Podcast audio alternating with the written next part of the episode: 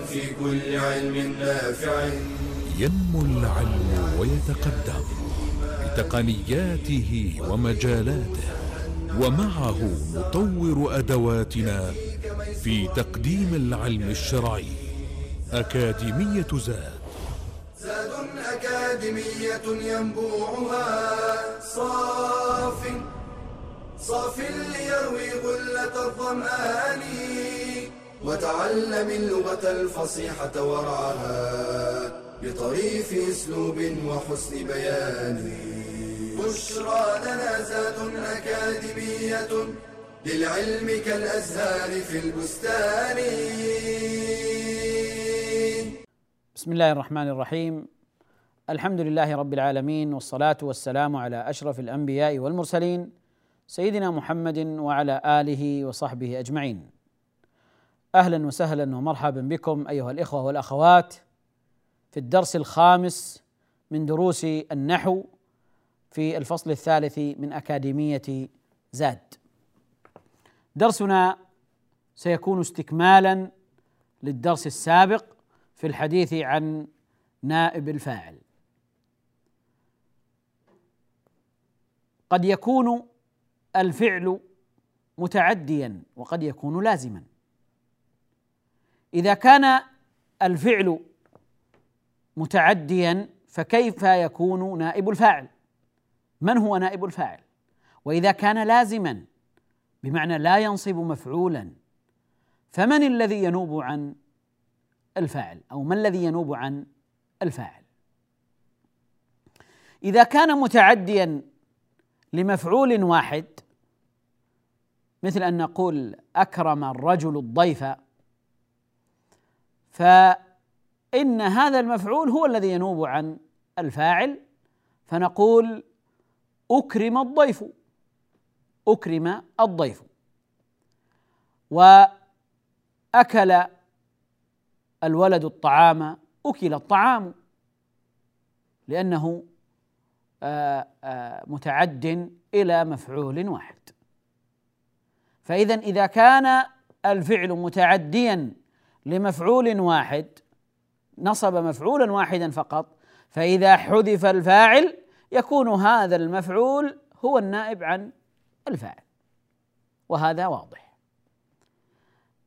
إذا كان الفعل ينصب مفعولين إذا كان الفعل ينصب مفعولين فينوب المفعول الأول عن الفاعل.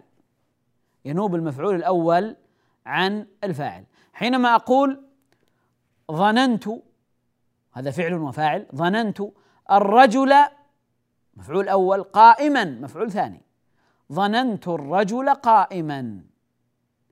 إذا حذفت الفاعل وبني الفعل لما لم يسمى فاعله أو بني الفعل للمفعول فمن الذي ينوب عن الفاعل ينوب المفعول الأول المفعول الأول. فأقول ظن ظن الرجل قائما. الرجل هذا الذي كان في الجملة السابقة مفعولا أول صار هنا في هذه الجملة نائبا عن الفاعل وأصبح مرفوعا. ظننت الرجل قائما ظن الرجل قائما. ظن الرجل قائما. فظن هنا فعل مبني على الفتح مبني للمفعول لما لم يسمى فاعله مبني على الفتح. والرجل نائب عن الفاعل نائب عن الفاعل وقائما مفعول ثان وقائما مفعول ثان. فإذا إذا كان الفعل متعديا إلى مفعولين فإن المفعول الأول هو الذي ينوب عن الفاعل. هل يجوز أن ينوب المفعول الثاني؟ هذه مسألة خلافية بين أهل العلم لكن الأصل أن الذي ينوب هو المفعول الأول.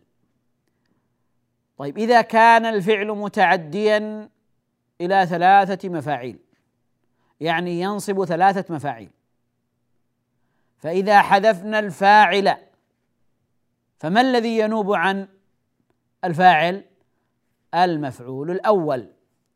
حينما أقول أعلمت فعل وفاعل أعلمت المعلم الطالب حاضرا.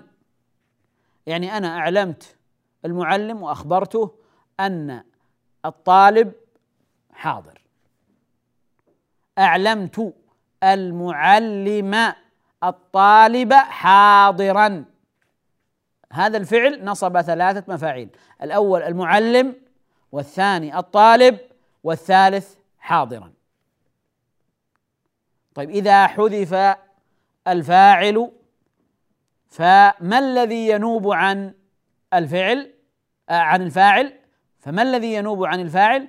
الذي ينوب عن الفاعل هو المفعول الأول. فأقول أعلم.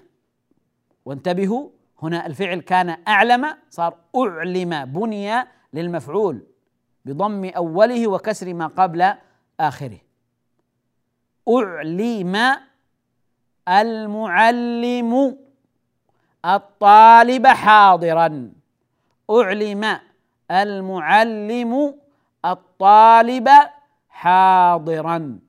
فالمعلم هنا نائب عن الفاعل نائب عن الفاعل. وهو في الأصل كان المفعول الأول. والطالب مفعول ثان وحاضرا المفعول الثالث. حاضرا المفعول الثالث.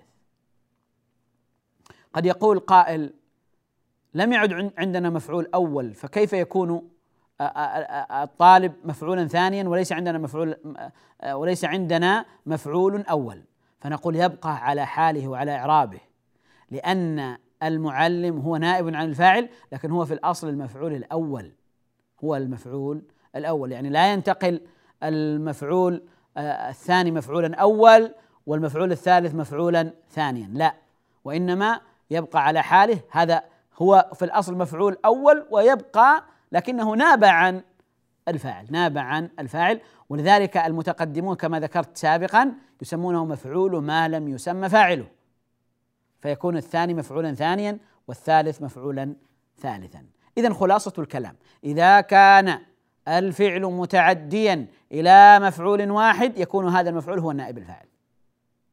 وإذا كان متعديا إلى مفعولين يكون المفعول الأول هو نائب الفاعل. وإذا كان متعديا إلى ثلاثة مفاعيل يكون المفعول الأول هو نائب الفاعل. طيب إذا لم يكن الفعل متعديا يعني إذا كان الفعل لازما قاصرا لا ينصب مفعولا اذا هو عنده فاعل فقط ليس عنده مفعول.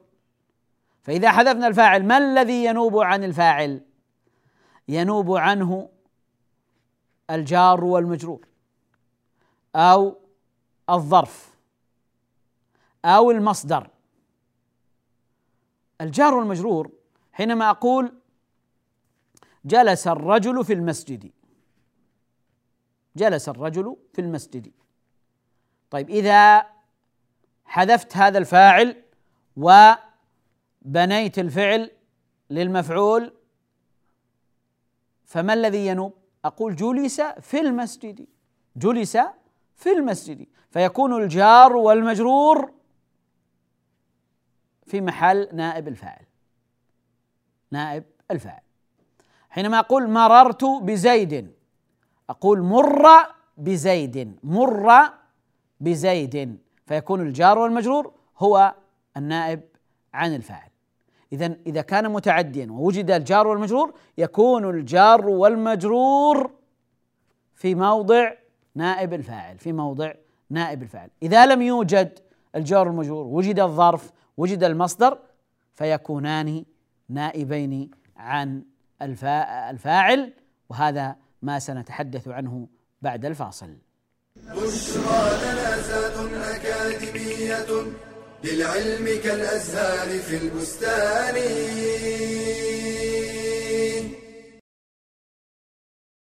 منذ أن فارقت النبي صلى الله عليه وسلم وهو لا يزال يذكرها بأرق الكلمات وأطيب العبارات وفاء لها واعترافا بجميلها. حتى قال لإحدى زوجاته حين غارت منها إني قد رزقت حبها. إنها أم المؤمنين. خديجة بنت خويلد بن أسد القرشية رضي الله عنها.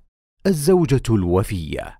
والمؤمنة الصابرة التقية أولى زوجات النبي صلى الله عليه وسلم وأم جميع أولاده سوى إبراهيم. ولدت بمكة سنة ثمان وستين قبل الهجرة وكانت من أعرق بيوتات قريش نسبا وحسبا وشرفا.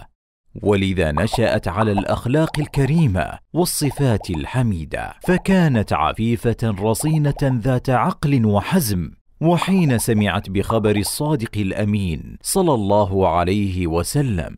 رغبت في أن تجعله يعمل في تجارتها فعمل فيها فربحت أضعاف ما كانت تربح مع غيره فوسطت من عرض عليه الزواج منها فوافق عليه الصلاة والسلام وتزوجها. كانت رضي الله عنها تعد للنبي صلى الله عليه وسلم الزاد الذي يكفي حينما كان يتعبد في غار حراء.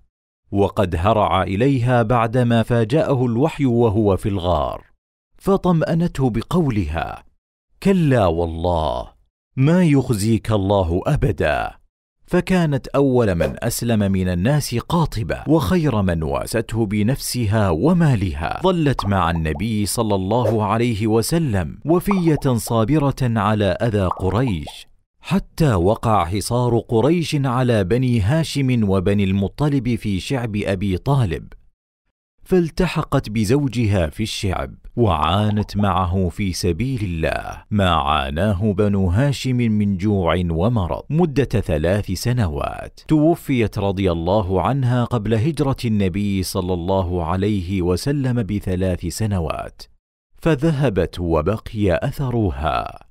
من فضائلها ما جاء في الصحيحين عن أبي هريرة قال أتى جبريل النبي صلى الله عليه وسلم فقال يا رسول الله هذه خديجة قد أتتك معها إناء فيه طعام أو إناء فيه شراب فإذا هي أتتك فاقرأ عليها السلام من ربها عز وجل ومني وبشرها ببيت في الجنة من قصب لا صخب فيه ولا نصب.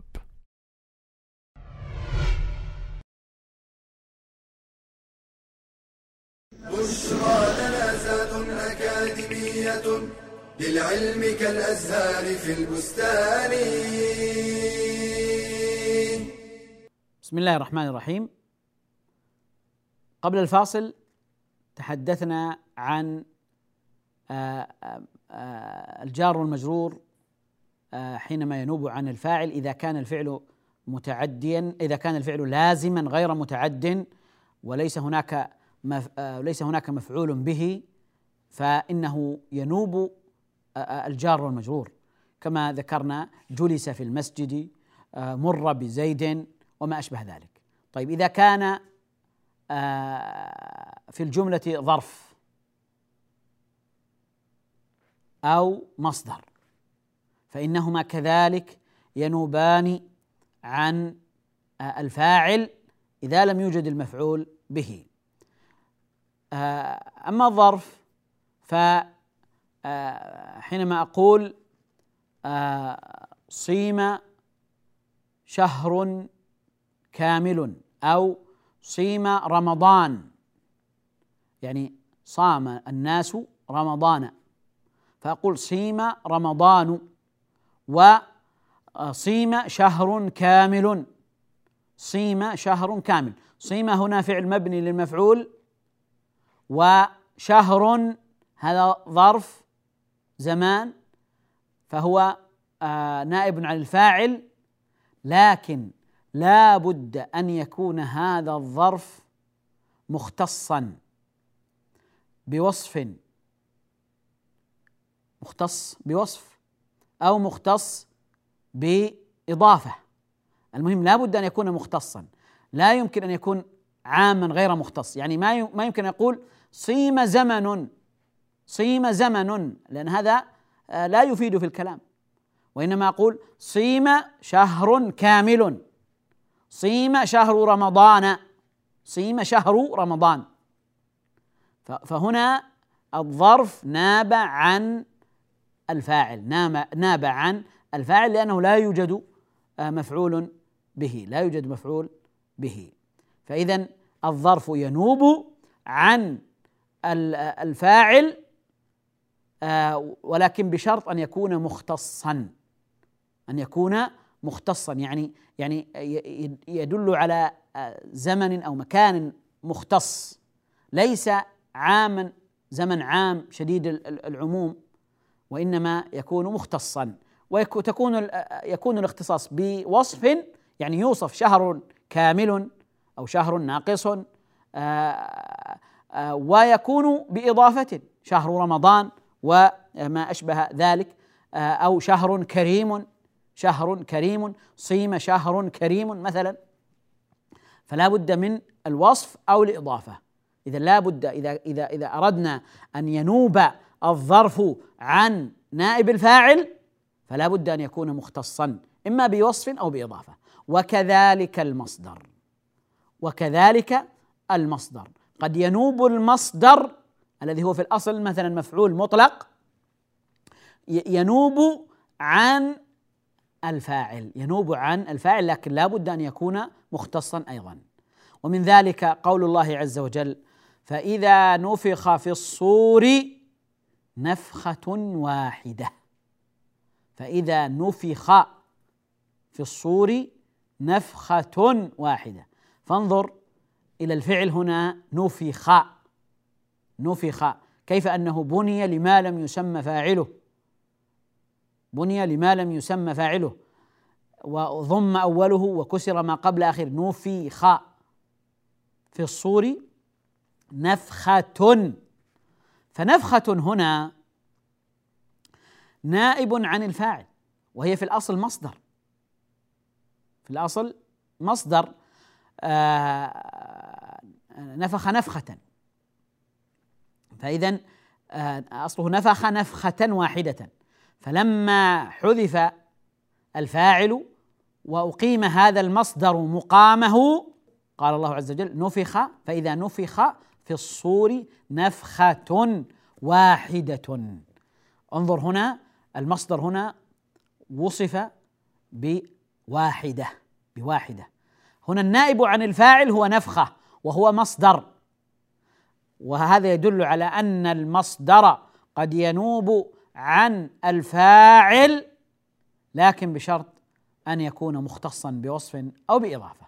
مختصا بوصف أو بإضافة. لما أقول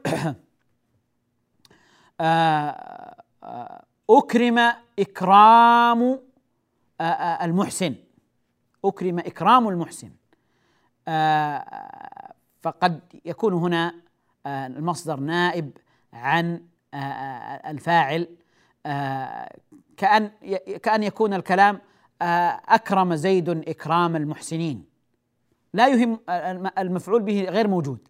أكرم زيد إكرام المحسنين يعني أكرم الناس أكرم الضيف أكرم ليس المفعول به هنا مذكورا. فهنا أكرم زيد إكرام المحسنين. فحينما حذف قيل أكرم إكرام المحسنين فهنا إكرام هو المصدر الذي ناب عن الفاعل بعد حذف الفاعل بعد حذف الفاعل. آه اذا قد ينوب الجار والمجرور عن آه الفاعل وقد ينوب الظرف وقد ينوب المصدر حينما لا يوجد المفعول به. حينما لا يوجد المفعول به. الأصل في النيابة أنها تكون للمفعول به. لكن حينما لا يوجد في الكلام مفعول به وإنما وجد الجار والمجرور فيكون الجار والمجرور. هو نائب الفاعل. وجد المصدر يكون المصدر هو نائب الفاعل. وجد الظرف يكون الظرف هو النائب عن الفاعل. آه الآن نذكر بعض الآيات التي ورد فيها آه، آه، نائب الفاعل ويعني آه، نعرب هذه الآيات. من ذلك قول الله عز وجل وهي آيات وردت فيها أفعال مبنية لما لم يسمى الفاعل فيها. من ذلك قول الله عز وجل وقيل وقيل يا أرض ابلعي ماءك ويا سماء أقلعي وغيض الماء وقضي الأمر واستوت على الجودي وقيل بعدا للقوم الظالمين. هنا آه، أربعة أفعال أو آه، نعم أربعة أفعال. قيل يا أرض ابلعي ماءك ويا سماء أقلعي. وغيض الماء وقضي الأمر واستوت على الجدي. وقيل بعدا للقوم الظالمين. أربعة أفعال بنيت لما لم يسمى فاعله. طيب قيل وقيل يا أرض ابلعي ماءك ويا سماء. أين نائب الفاعل؟ طبعا قال هو الفعل آه، المبني لما سمي فاعله. لكن حينما حذف الفاعل آه، بني الفعل لما لم يسمى فاعله فقيل قيل. وهذا الفعل هو في الأصل يأتي بعده جملة مقول القول في محل نصب في محل نصب مفعول به. مقول القول. آه يسمى مقول القول. حينما بني الفعل للمفعول أو لما لم يسمى فاعله قيل. طيب أين نائب الفاعل؟ الجملة. يا أرض ابلعي ماءك. هذه الجملة هي التي كانت في موضع نصب مقول القول أصبحت في موضع رفع نائب فاعل. أصبحت في موضع رفع نائب عن الفاعل. وقيل يا أرض ابلعي ماءك ويا سماء أقلعي. وغيض الماء وغيض الماء وغيض الماء. غيض مبني للمفعول من الفعل غاض. غاض بمعنى نقص أو أنقص. يعني نقص الماء أو أنقص الماء. هذا غاض آه، ربنا الماء يعني أنقصه وجعله ناقصا نقص الماء. فلما بني الفعل طبعا غاض قد يأتي لازما وقد يأتي متعديا هذا للعلم. غاض يأتي لازما يمكن أن نقول غاض الماء يعني نقص. ويمكن أن نقول غاض ربنا الماء يعني أنقصه. فأقول آه، حينما أبني للمفعول أقول غيض الماء. فالماء هنا نائب عن الفاعل. أيها الإخوة نقف ونكمل بعد الفاصل. بشرى لنا زاد أكاديمية. للعلم كالأزهار في البستان.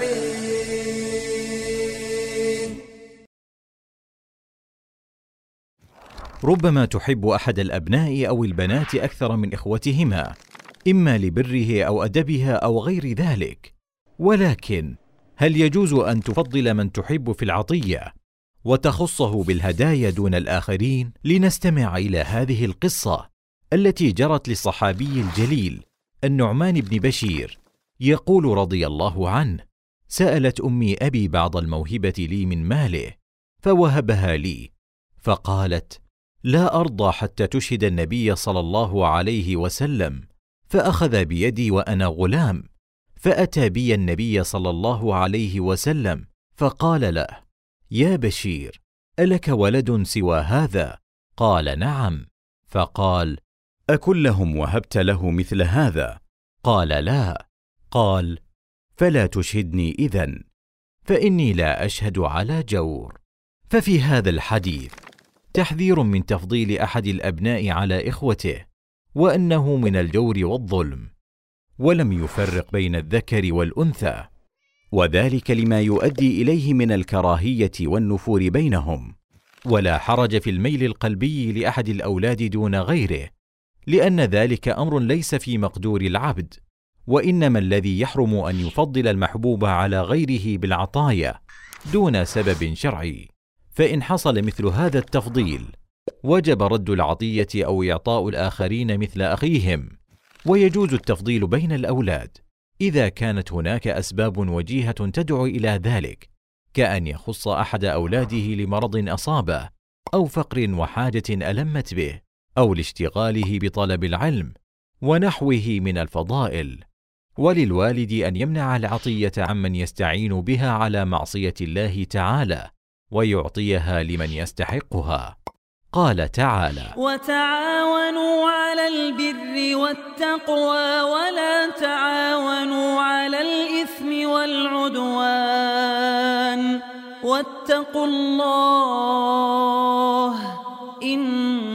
الله شديد العقاب.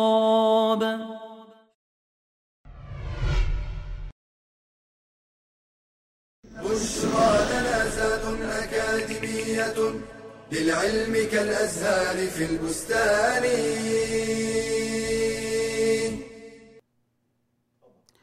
بسم الله الرحمن الرحيم. آه، نكمل آه، الحديث عن هذه الآية. وقيل يا أرض ابلعي ماءك ويا سماء أقلعي وغيض الماء. فالماء هنا نائب عن الفاعل مرفوع وعلامة رفعه الضمة. وغيض الماء وقضي الأمر قضي الأمر. فقضى الله الأمر آه هذا أصل الكلام. لما لم يسمى الفاعل آه آه ولم يذكر ناب المفعول به عن الفاعل فقيل قضي الأمر. قضي الأمر. فالأمر هنا نائب عن الفاعل آه، مرفوع وعلامة رفعه آه، الضمة. وأنا أقول هنا أن التعبير آه، الذي استخدمه المتقدمون أدق. حينما نقول الأمر مفعول ما لم يسمى فاعله. مفعول ما لم يسمى فاعله مرفوع. مفعول ما لم يسمى فاعله مرفوع. ويجوز أن نقول نائب عن الفاعل مرفوع. قضي الأمر. فالأمر هنا نائب عن الفاعل أو مفعول ما لم يسمى فاعله مرفوع. وقضي الأمر واستوت على الجودي. هنا استوت ليس مبنيا للمفعول وليس مبنيا لما لم يسمى فاعله استوت على الجودي. وقيل بعدا للقوم الظالمين. قيل هنا أيضا فعل مبني لما لم يسمى فاعله. وجملة بعدا للقوم الظالمين. هذه في موضع رفع نائب عن الفاعل في موضع رفع نائب عن الفاعل.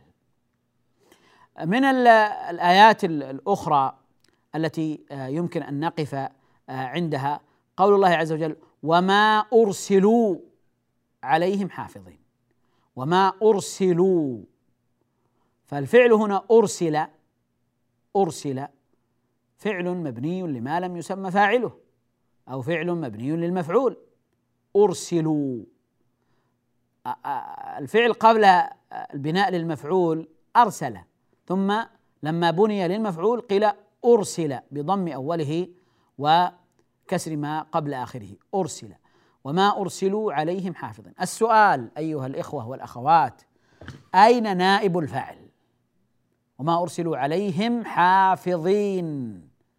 وما أرسلوا عليهم حافظين. أين نائب الفاعل؟ ما دام أن الفعل هنا مبني لما لم يسمى فاعله أو مبني للمفعول فأين نائب الفاعل؟ وما أرسلوا عليهم حافظين. الجواب أن نائب الفاعل هو الضمير المتصل.